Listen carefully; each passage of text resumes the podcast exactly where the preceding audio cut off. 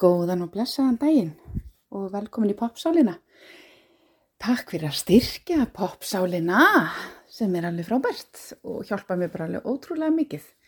Ég ætla að gefa ykkur smá auka þátt í tengslu við þáttinum hriðverkinu útdei sem að koma út núna eiginlega akkurat 11 árum eftir þessi bara þessa ræðilegu atbyrði sem gerist þarna í Noregi og ég man þetta bara svo vel sjálf, mér fannst þetta svo óraunverulegt, mér fannst þetta að vera svo nálagt okkur, ég veit að hljóma hræðilega að tala svo leiðis en það var bara eitthvað við það þegar eitthvað gerðist svona nálagt okkur, ég veit það ekki, þetta varði eitthvað svo, já ekki einhvern veginn orðis að lýsa því af því þetta, ég vil ekki hljóma eins og hriðiverk sem gerast fjarrir mér séu ómerkilegri, það er alls ekki þannig, alls ekki, ég veit ekki eitthvað að hlæja núna en ok, vandræðilegt, en það var bara eitthvað við, þú veist, maður átti ekki vona á þessu, orðuð á þannig einhvern veginn, maður átti ekki vona á þessu þannig að þetta var allt svo skrítið og, og það sem mér hefur þótt líka ókslega áhugavert svona frá salfræðilegum vinkli er hversu ótrúlega rætt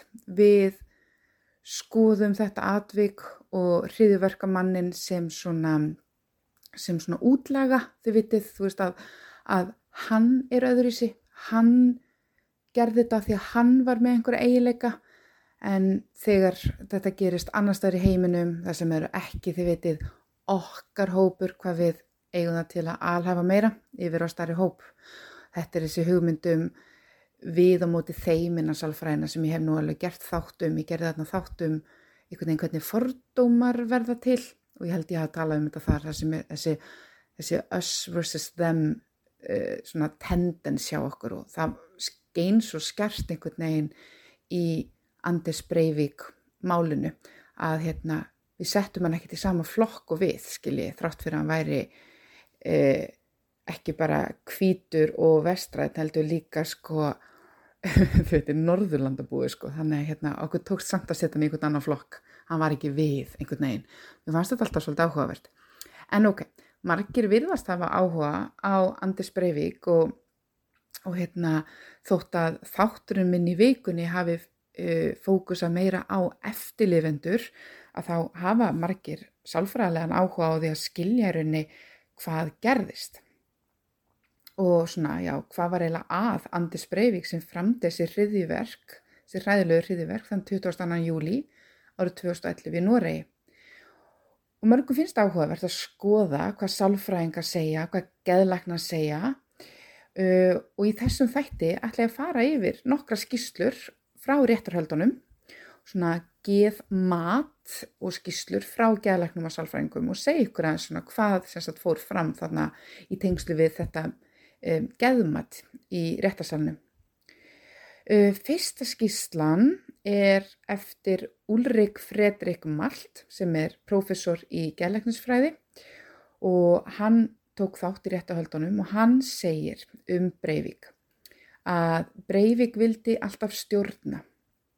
Hann virðist einni verið með einhvers konar guðheilkenni eða svona messiah-komplex.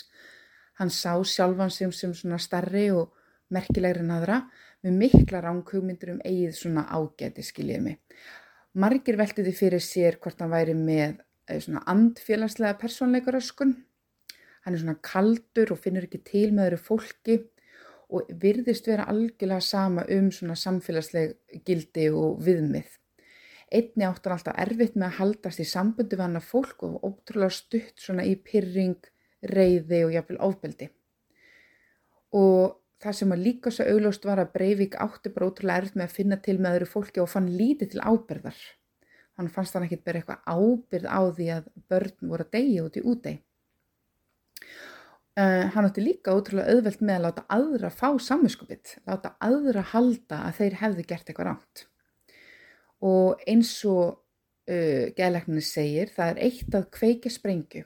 Það er allt annað að fara út á eigu og skjóta ungt fólk og tala um það eins og hafi verið að týna upp kirsuber.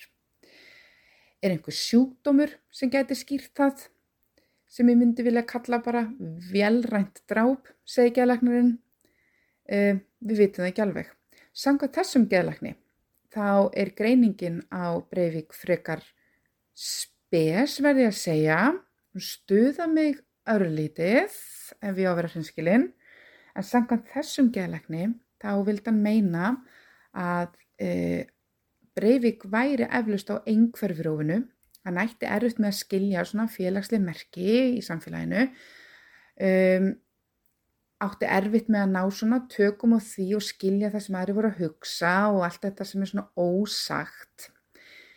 Um, en það var þetta með samúðina, það er svona eiginlega samkendar leysið sko, það tengist ekkert einhverfinu þótt að þú kannski eigir erfiðara með að skil, skinja hvernig aðrir, eh, hvað, hvað aðrir er að hugsa eða hvernig það líður að þá vantar það ekkert samkend, það er ekki hluti af, af einhverfi rófinu.